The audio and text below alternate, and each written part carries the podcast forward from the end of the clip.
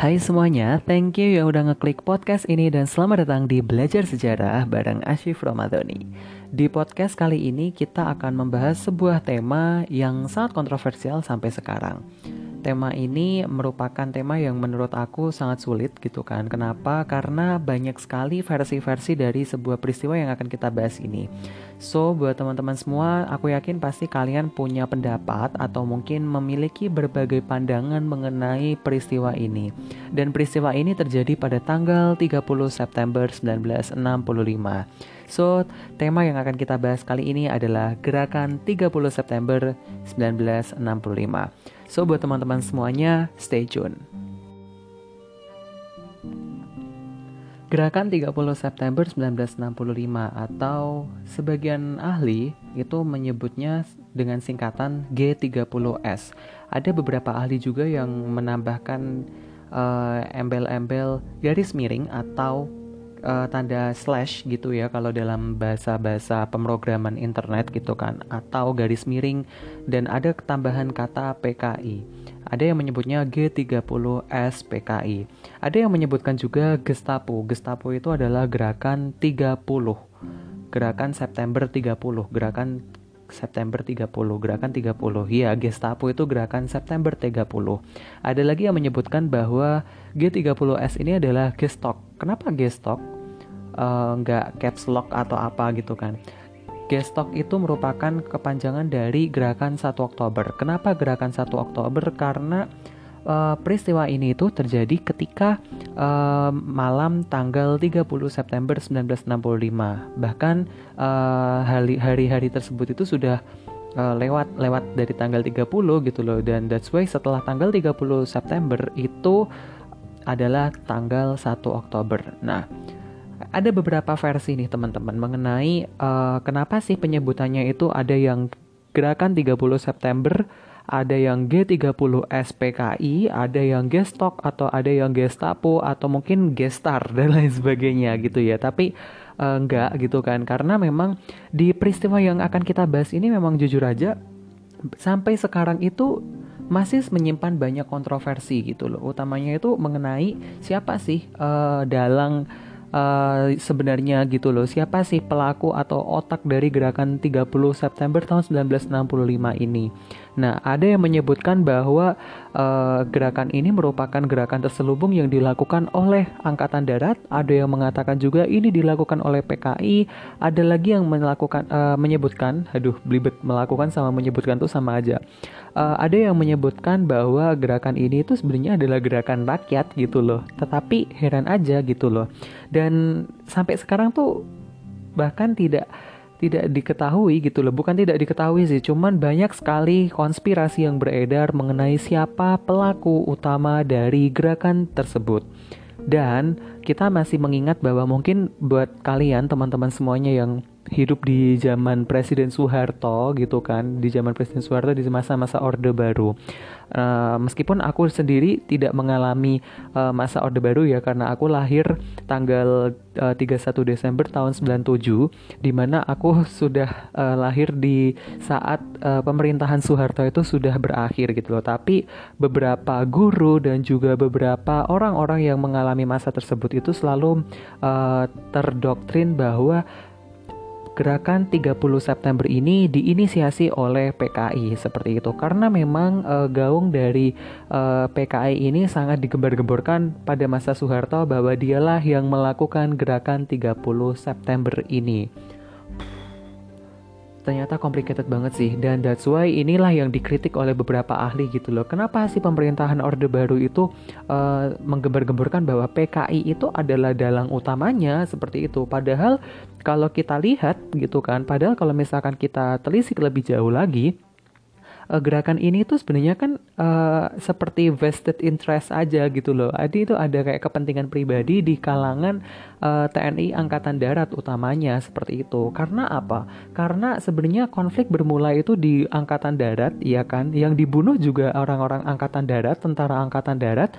Lalu juga yang membunuh itu juga orang-orang dari Angkatan Darat tapi uh, yang mengadili juga dari mahkamah militer luar biasa, Mahmilub, mahkamah militer luar biasa. Yang ini adalah orang-orang dari militer. So, ini sangat complicated sekali dan aku yakin teman-teman pasti punya pendapat-pendapatnya. Namun sebelum kita akan membahas uh, lebih lanjut, di sini aku akan uh, share beberapa teori konspirasi siapa dalang utama dari gerakan 30 September tahun 1965. So buat teman-teman, kita akan discuss banyak di podcast ini. Di samping kita membahas mengenai teori konspirasinya, kita juga uh, harus uh, apa ya istilahnya itu kita harus merefleksikan diri juga bahwa peristiwa yang terjadi di masa lalu itu bisa menjadi gambaran bahwa di masa depan, di masa yang akan datang, jangan sampai terjadi peristiwa yang seperti ini. Karena apa? Karena kembali lagi teman-teman, gunanya kita belajar sejarah itu adalah untuk merefleksi diri agar kita menjadi lebih bijak lagi. Di satu sisi juga, ketika kita mempelajari peristiwa ini, harapannya nanti adalah uh, kita bisa mengetahui bagaimana sudut pandang gitu kan, bagaimana perspektif orang-orang atau beberapa ahli mengenai gerakan-gerakan ini ini. Seperti itu teman-teman. Dan sebenarnya kalau aku boleh jujur, peristiwa G30S atau gerakan 30 September tahun 65 ini merupakan peristiwa yang sangat luar biasa gitu kan di mana yang digembar-gemborkan itu yang terbunuh adalah kebanyakan dari orang-orang TNI ada kurang lebih tujuh jenderal yang terbunuh gitu kan Uh, di antaranya ada Ahmad Yani, uh, lalu ada S. MT Haryono, lalu ada DI Panjaitan, dan lain sebagainya. Tapi penumpasan dari gerakan ini itu digadang-gadang hampir lebih dari 2,5 juta rakyat Indonesia. Buset dah itu tuh orang loh jumlah orang gitu loh. Kalau uang mah itu buat beli HP nggak masalah ya. Ini jumlah orangnya banyak banget ya yang terbunuh. Gila memang complicated banget teman-teman. So kita akan bahas teori pertama. Teori pertama adalah gerakan 30 September atau G30S itu merupakan persoalan internal dari TNI Angkatan Darat Hmm, ini berarti maksudnya adalah gerakan ini tuh ada karena hanya masalah internal aja, masalah yang ada di dalam diri angkatan darat, tentara angkatan darat gitu kan. Kita tahu bahwa TNI, Tentara Nasional Indonesia itu kan kita punya uh, tiga angkatan ya, ada di angkatan laut, lalu ada angkatan udara, lalu ada di angkatan darat. Nah, gerakan ini merupakan persoalan internal dari TNI angkatan darat. Nah, yang mengemukakan teori ini adalah Ben Anderson, Wertheim, dan Constable. Nah, uh, teori ini itu menyatakan bahwa gerakan 30 September ini itu ada karena persoalan internal di kalangan TNI Angkatan Darat itu sendiri. Nah, maksudnya apa sih? Emangnya ada apa sih pada saat itu? Emangnya kenapa gitu loh dengan TNI Angkatan Darat di sekitar tahun 65 atau mungkin kurun waktunya adalah masa-masa demokrasi terpimpin. Masa demokrasi terpimpin itu adalah dimulai pada tanggal 5 Juli 1959 sampai kurang lebih diakhiri pada tahun eh pada tanggal 1 Maret 1966. Nah, di teori ini itu uh, mengungkapkan bahwa ternyata di dalam uh, diri TNI Angkatan Darat itu sendiri terdapat se uh, semacam apa ya? Hmm, di antara tentaranya masing-masing itu ada yang iri dengan kehidupan para petinggi TNI lainnya, khususnya di TNI Angkatan Darat. Kita tahu sendiri bahwa uh, para petinggi TNI gitu kan TNI Angkatan Darat pada waktu itu ada Ahmad Yani lalu ada MT Haryono beberapa jenderal-jenderal TNI Angkatan Darat itu bagi uh, sebagian pihak itu dianggap uh, memiliki kehidupan yang sangat mewah gitu loh kehidupan mereka sangat mewah, glamor dan mereka itu malah cenderung untuk memperkaya diri mereka sendiri gitu loh sehingga secara nggak langsung ini malah mencemarkan nama baik dari TNI Angkatan Darat gitu kan. Padahal TNI Angkatan Darat itu merupakan representasi pemerintah gitu loh. Ini merupakan gambaran bahwa pemerintah uh, Indonesia itu seperti ini sedangkan kondisi perekonomian pada masa demokrasi terpimpin itu cukup apa ya kita mengatakannya uh, cukup memprihatinkan gitu loh. Rakyatnya aja hidup menderita, tetapi TNI Angkatan Daratnya itu malah hidup berfoya-foya. Hmm. Tapi uh, secara tidak langsung ini berlawanan banget sih dengan kenyataan bahwa fakta yang ditemukan di lapangan gitu kan. Salah satu petinggi TNI Angkatan Darat yaitu Jenderal Abdul Haris Nasution atau yang dikenal sebagai Aha Nasution itu hidupnya sangat sederhana sekali. Meskipun dia adalah petinggi TNI Angkatan Darat, tetapi kehidupannya itu tidak glamor dan tidak bermewah-mewahan, teman-teman.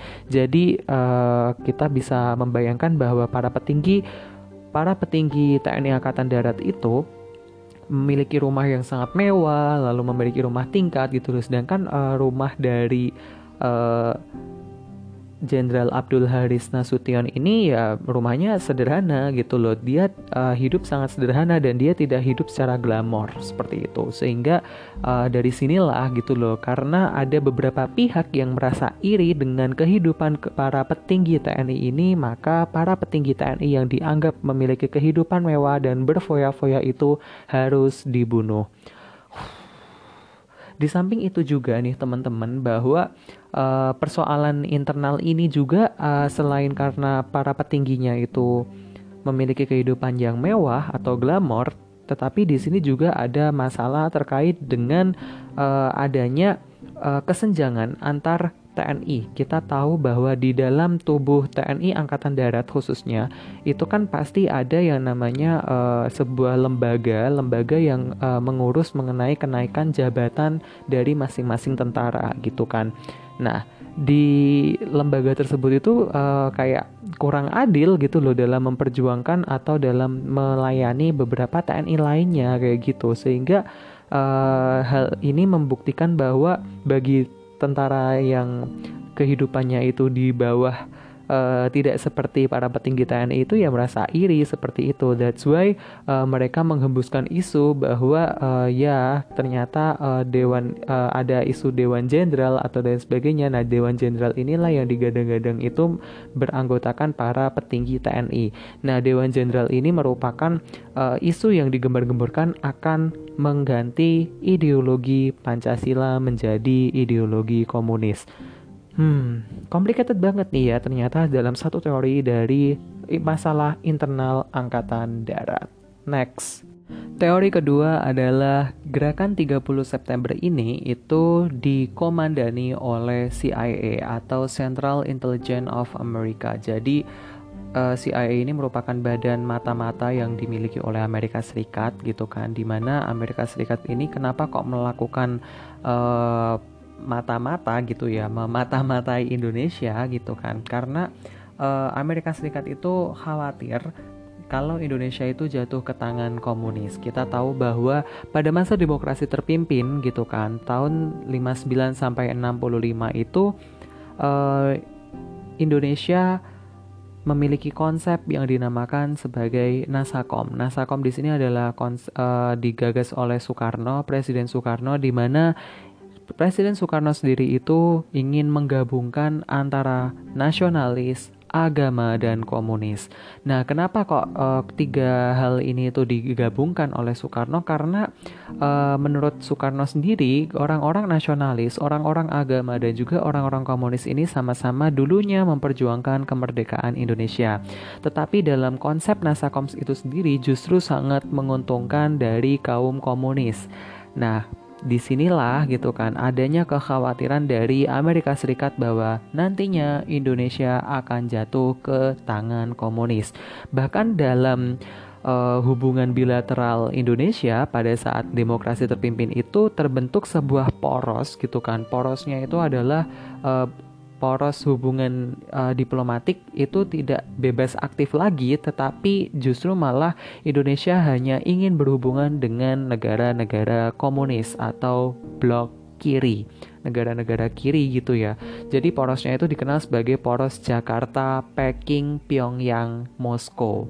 Nah, jadi porosnya itu meliputi negara-negara uh, komunis seperti Jakarta, Indonesia, lalu ada di Hanoi, Vietnam, lalu ada lagi di uh, langsung ke Peking. Peking itu adalah Beijing, Beijing China. Lalu ada lagi ke Pyongyang. Pyongyang itu merupakan di Korea Utara, ibu kota Korea Utara, jadi bukan Chongyang, teman-teman. Lalu dari Pyongyang itu semakin naik lagi itu adalah Moskow. Moskow merupakan ibu kota dari Uni Soviet, di mana Uni Soviet itu sendiri merupakan negara yang mengembangkan dan menyebarkan paham sosialis komunis. Nah, di sini teman-teman Amerika Serikat ini merasa khawatir gitu loh kalau uh, Indonesia nanti bergabung kepada Uni Soviet seperti itu. Apalagi Partai Komunis Indonesia itu memang sangat kuat gitu loh dalam uh, pengaruh menanamkan paham-paham komunis di Indonesia gitu loh. Nah dari situlah nih teman-teman uh, beberapa ahli berpendapat di antaranya adalah Peter Dels, Dels Scott atau Geoffrey Robinson ini dia berpendapat bahwa uh, eh, CIA bekerja sama dengan sebuah kelompok di dalam uh, eh, TNI Angkatan Darat ini untuk apa? Tujuannya adalah untuk memprovokasi PKI atau mengadu domba secara tidak langsung mengadu domba PKI agar uh, melakukan gerakan kudeta. Jadi di sini itu Angkatan Darat, TNI Angkatan Darat itu menghasut orang-orang PKI itu segera melakukan kudeta gitu loh. Nah setelah itu uh, nantinya ketika gerakan sudah diketahui maka PKI itu akan dihancurkan. Nah, ketika PKI itu dihancurkan, maka secara tidak langsung juga kekuasaan Presiden Soekarno itu juga hancur. Kenapa demikian? Karena Soekarno ini sangat bersikukuh ingin menyatukan paham komunis dengan paham-paham nasionalis dan juga paham agama. Ini uh, konkret banget sih dengan apa yang dituliskan oleh pemerintah Orde Baru pada saat itu juga membuat sebuah laporan buku pemberontakan uh, gerakan 30 September tahun 1965 di mana uh, beberapa teori ini pun juga digadang-gadang dilakukan oleh Amerika Serikat itu sendiri. Tetapi di sisi lain juga menurut aku PKI ini kayak korbannya gitu ya jadi dalam buku tersebut seperti itu. Jadi kembali lagi PKI menjadi objek sasaran dari CIA ini next teori berikutnya adalah Gerakan 30 September ini adalah pertemuan dua kepentingan negara kapitalis, yaitu negara Inggris dan juga negara Amerika Serikat. Kita tahu bahwa Amerika Serikat dan juga Inggris itu merupakan negara yang sangat klop gitu kan, sangat CS gitu loh. Kenapa? Karena uh, mereka sama-sama tergabung dalam blok uh, sekutu pada masa Perang Dunia Kedua gitu kan, dan mereka juga sama-sama memenangkan uh, perang dunia gitu loh ya. Nah, di sini uh, menurut uh, beberapa ahli gerakan 30 September ini merupakan pertemuan antara dua kepentingan Inggris sama Amerika Serikat. Maksudnya kenapa nih? Karena begini. Jadi pada saat itu uh, kita tahu bahwa Indonesia itu sedang melakukan konfrontasi terhadap negara Malaysia.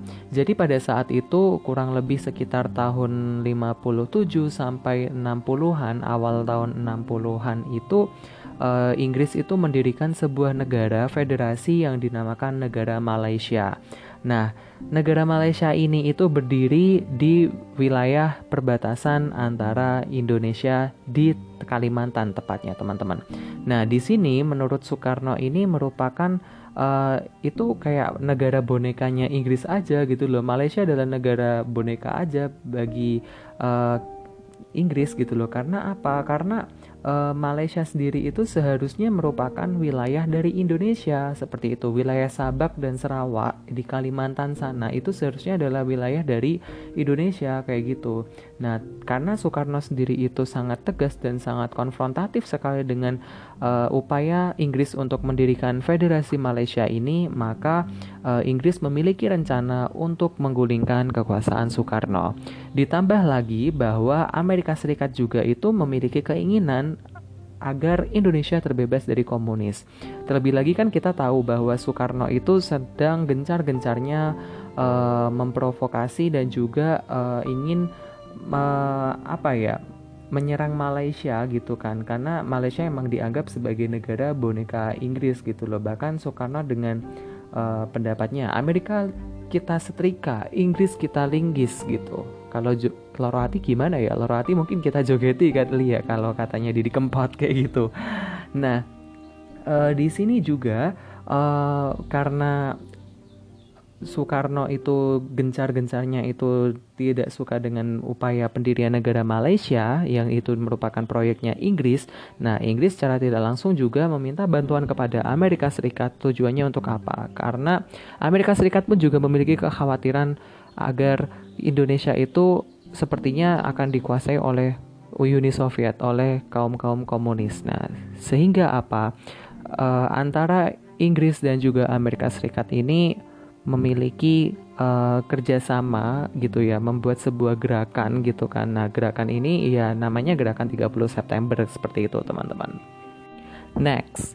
Nah selanjutnya adalah gerakan 30 September ini ya merupakan ide dari Soekarno.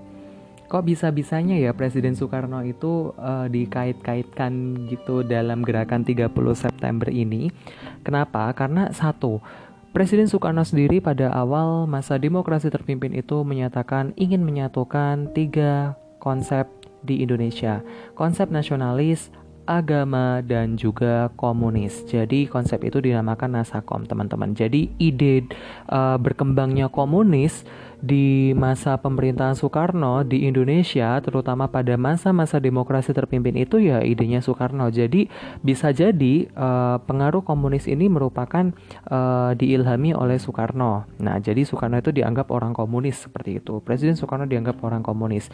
Di sisi lain juga Kenapa uh, Presiden Soekarno itu dianggap sebagai dalang atau otak dari gerakan 30 September ini karena memang PKI itu sangat dekat dengan Soekarno. Kita bisa melihat bahwa uh, Soekarno pun Presiden Soekarno itu sangat dekat dengan para pemimpin dari Partai Komunis Indonesia.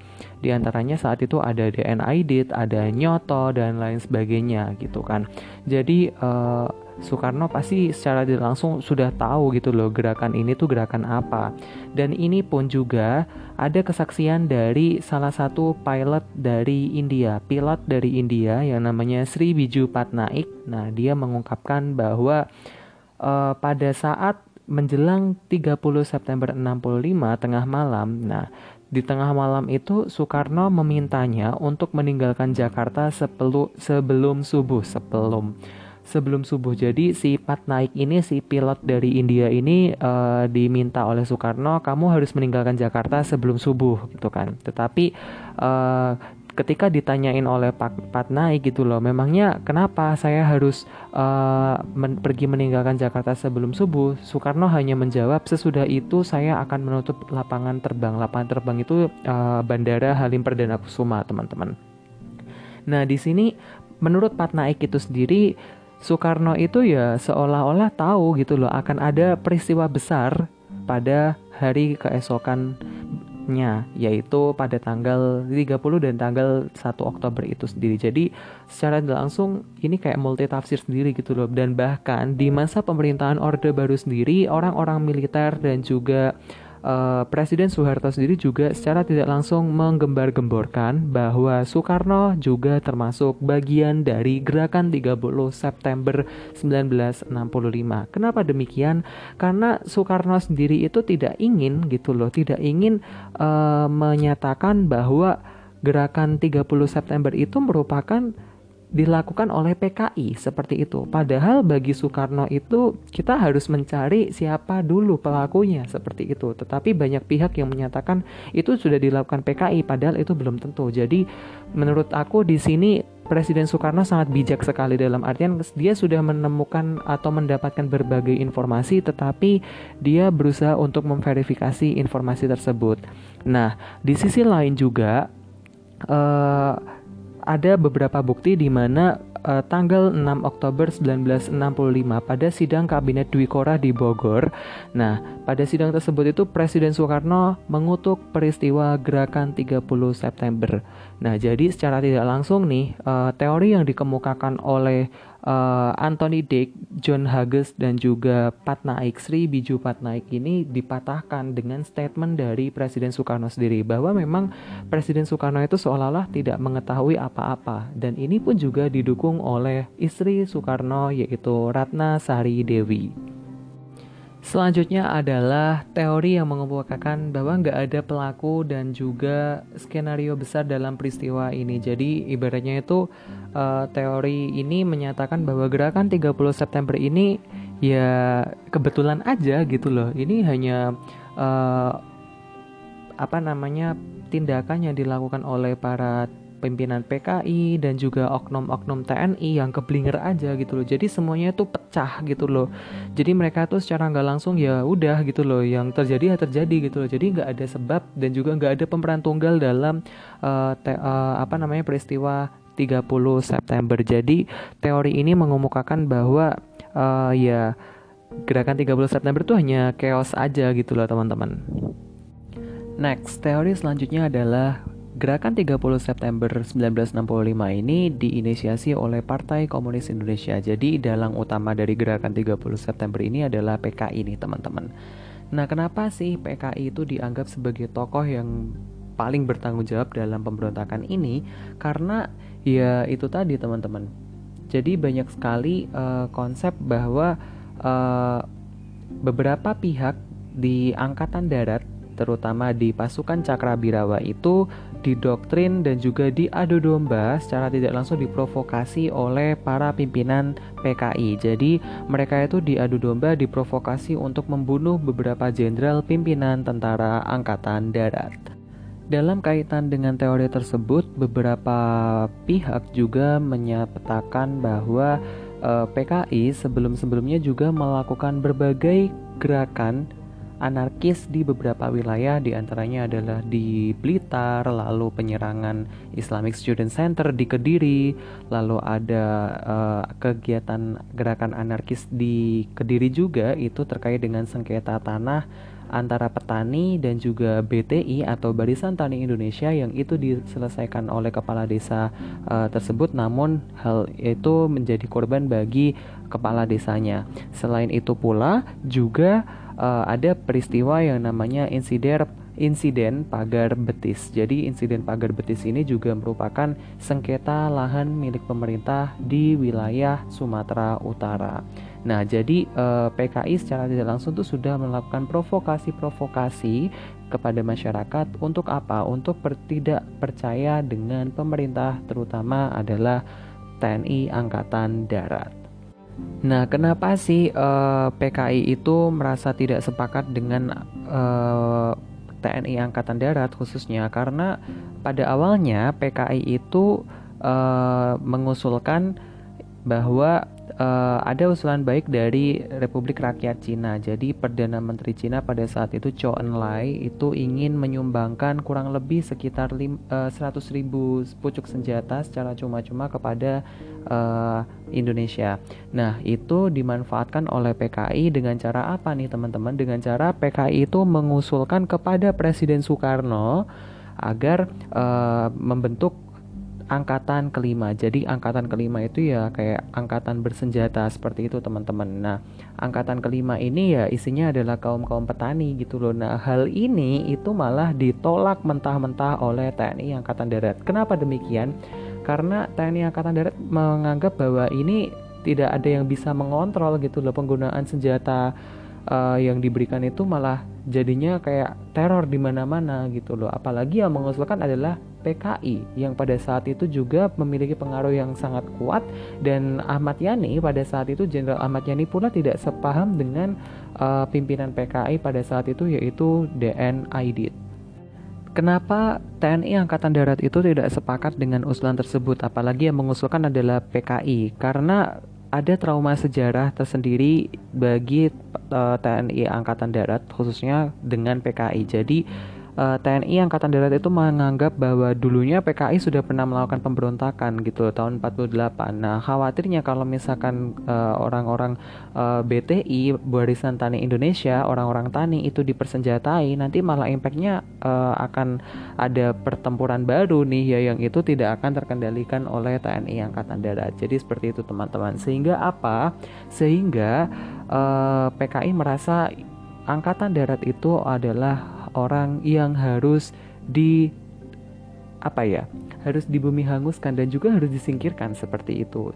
Sehingga apa? Sehingga ya dengan segala cara apa pun PKI akan melakukan beberapa cara untuk menghancurkan TNI Angkatan Darat. Namun mer, e, meskipun demikian ternyata aksi rencana tersebut itu sempat tercium oleh TNI Angkatan Darat. Jadi TNI Angkatan Darat itu uh, mendapatkan sebuah informasi di mana PKI akan melakukan sebuah gerakan pada saat uh, hari ABRI. Hari ABRI itu sekitar tanggal 5 Oktober pada saat itu tahun 65. Jadi ta tanggal 5 Oktober itu PKI akan melakukan gerakan secara besar-besaran. Nah, hal itu kemudian dibantah oleh PKI. Eh, PKI nggak akan melakukan seperti itu gitu loh. Pembelaannya seperti itu teman-teman. Tapi PKI justru malah menghembuskan isu balik, fitnah balik kepada TNI Angkatan Darat. Di mana uh, kata PKI sendiri dia menemukan sebuah dokumen namanya dokumen Gilchrist. Nah, di dalam dokumen itu uh, berisi tentang TNI Angkatan Darat itu memiliki sebuah dewan, sebuah organisasi yang namanya Dewan Jenderal. Nah, Dewan Jenderal inilah yang akan menggulingkan kekuasaan Presiden Soekarno. Yang banyak beberapa ahli mengungkapkan bahwa dokumen Gilchrist itu nggak ditemukan gitu loh. Itu adalah dokumen fiktif gitu loh. Dan itulah yang mengakibatkan eh, orang-orang uh, pimpinan TNI Angkatan Darat itu dibunuh pada saat malam tanggal 30 September tahun 1965. Hmm, ya kurang lebih seperti itu teman-teman kalau dari teori seperti ini gitu kan.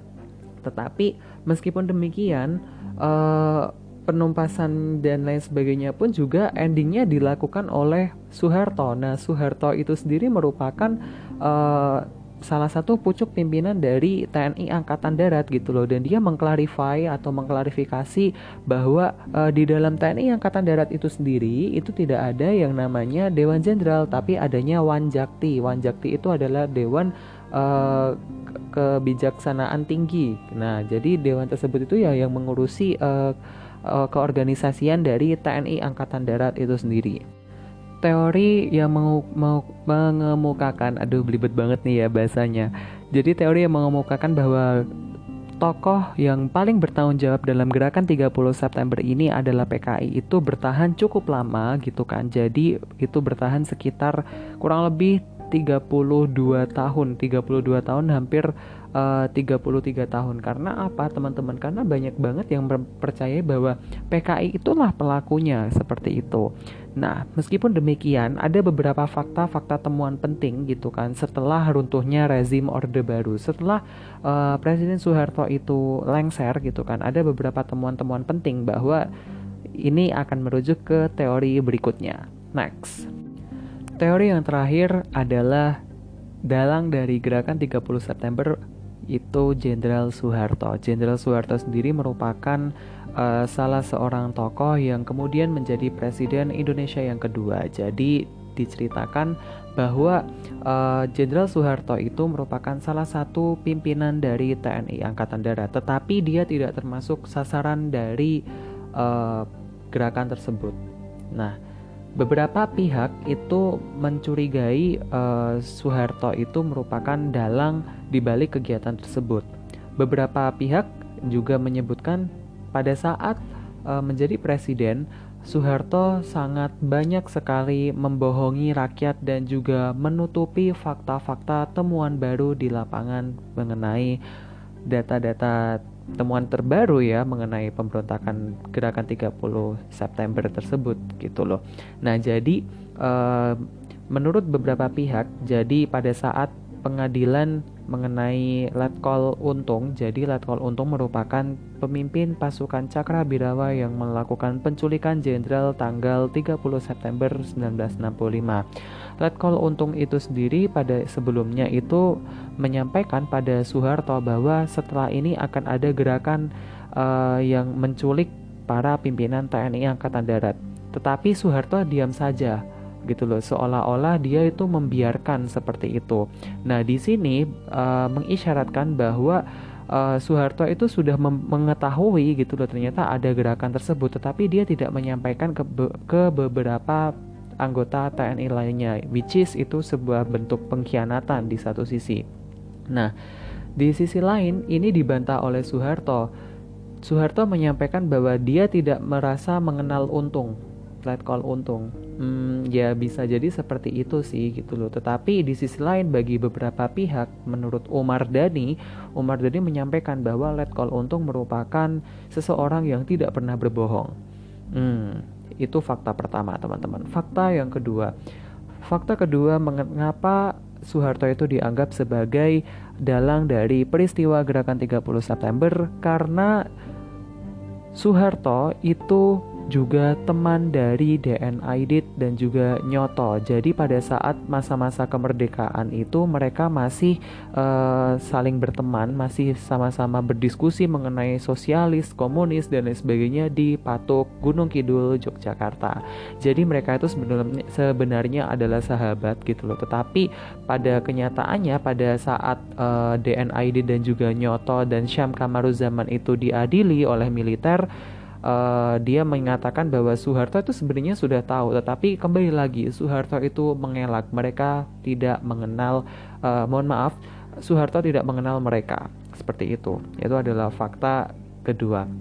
Fakta ketiga, uh, pada saat uh, terjadi gerakan tersebut. Jadi pada tanggal 1 Oktobernya itu uh, secara tidak langsung terjadi kekosongan kekuasaan di TNI Angkatan Darat dan secara tidak langsung Soeharto harus naik jabatan untuk mengganti PLT atau pelaksana tugas sementara gitu kan di TNI Angkatan Darat. Jadi dia menjadi panglima Pangkostrat di sini teman-teman.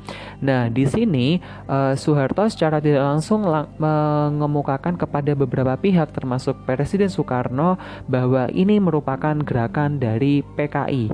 Nah secara tidak langsung beberapa pihak masih menyaksikan ini siapa sih pelakunya, ini siapa pelakunya, ini siapa sih dalangnya gitu. Tapi Soeharto sendiri berdalih bahwa ini dilakukan oleh PKI yang which is ini dicurigai oleh banyak pihak. Salah satunya adalah istri Soekarno sendiri yaitu Ratna Sari Dewi. Ratna Sari Dewi mengemukakan bahwa tidak mungkin kalau misalkan beberapa pihak itu baru mencari-cari semuanya itu uh, baru men, me, apa ya ibaratnya mencari kebenaran malah Soeharto sendiri langsung menganggap ini gerakan PKI yang itu secara tidak langsung ya Soeharto sudah tahu ada gerakannya seperti itu yang secara tidak langsung juga itu sudah direncanakan oleh Soeharto itu sendiri. Hmm, jadi banyak banget teori konspirasi mengenai pemberontakan PKI. Uh, sorry, aku mengatakannya di sini tidak langsung pemberontakan PKI, tapi ini digadang-gadang dilakukan oleh PKI, digadang-gadang oleh dilakukan beberapa pihak. Nah, jadi ini adalah gerakan 30 September tahun 1965. So, menurut teman-teman semuanya, mana teori yang paling tepat? Ya, kita bisa discuss di kesempatan berikutnya.